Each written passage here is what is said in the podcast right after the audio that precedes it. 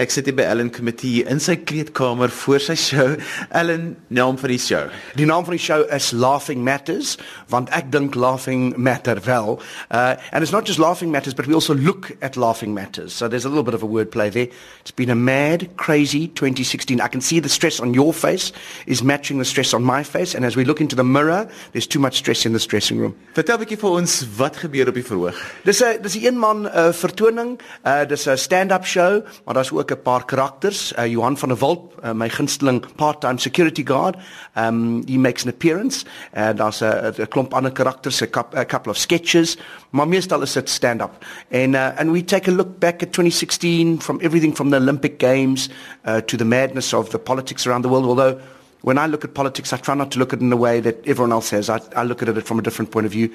And then silly things like how to wear skinny jeans uh, in, in, in a modern context, uh, health and uh, eating properly, gyms, body tech.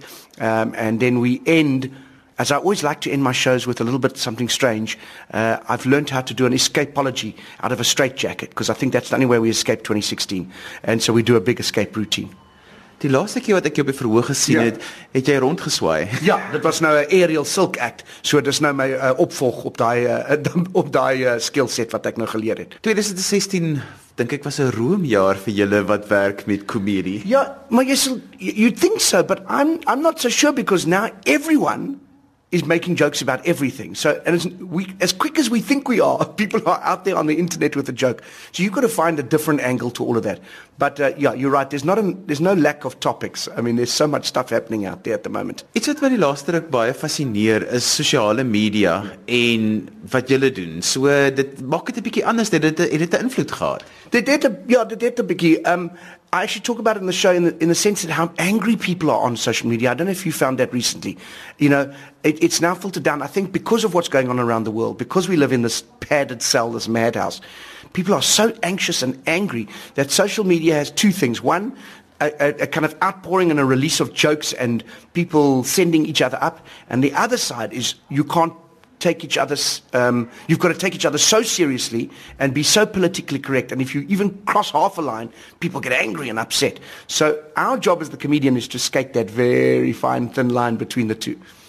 2016 was ook 'n interessante jaar want jy het gesing en jy was in die Little Shop of Horrors. Ja, dit was nog 'n groot jaar vir my. Uh ek het dit baie geniet. It was a nice new challenge. In this show I'm taking a little bit of that. I sing a little Christmas carol. I've changed the words. But it's I think it's important as a performer to challenge yourself and do some new things and it was frightening for me. There were moments backstage where I was a bit like, "Yeah." But I'm glad I got through it and uh, it's nice to have ticked that box.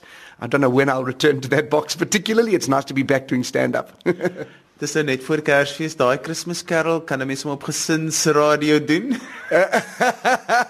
Ehm um, kan ek? Ja, ek sing oor ehm um, uh ehm um, uh, uh, uh, uh, uh, I made a Christmas lunch for friends and I don't know if you've ever had this. I don't know how good a cook you are. You look like you have cooking skills. Me, we pray after we eat. That's how bad a cook I am. So when I made food, it's about dealing with people who are doing banting, who won't eat uh, gluten, who uh, refuse to have uh, broccoli, who can't have acid reflux, who need lactose intolerant. So by the time I actually get the food done, we have nothing left to eat. And we sing all of that to Rudolph the Red-Nosed Reindeer. Hoe lyk 2017 vir jou? Ek dink dis gaan nogal interessant wees. Um ek is baie opgewonde. Uh, I'm doing a lot of work uh, overseas again. I've been uh, doing some stuff in England particularly, so we've lined up some things there. Um Love Factually returns which had a great success this year, so that's my follow up to Caveman.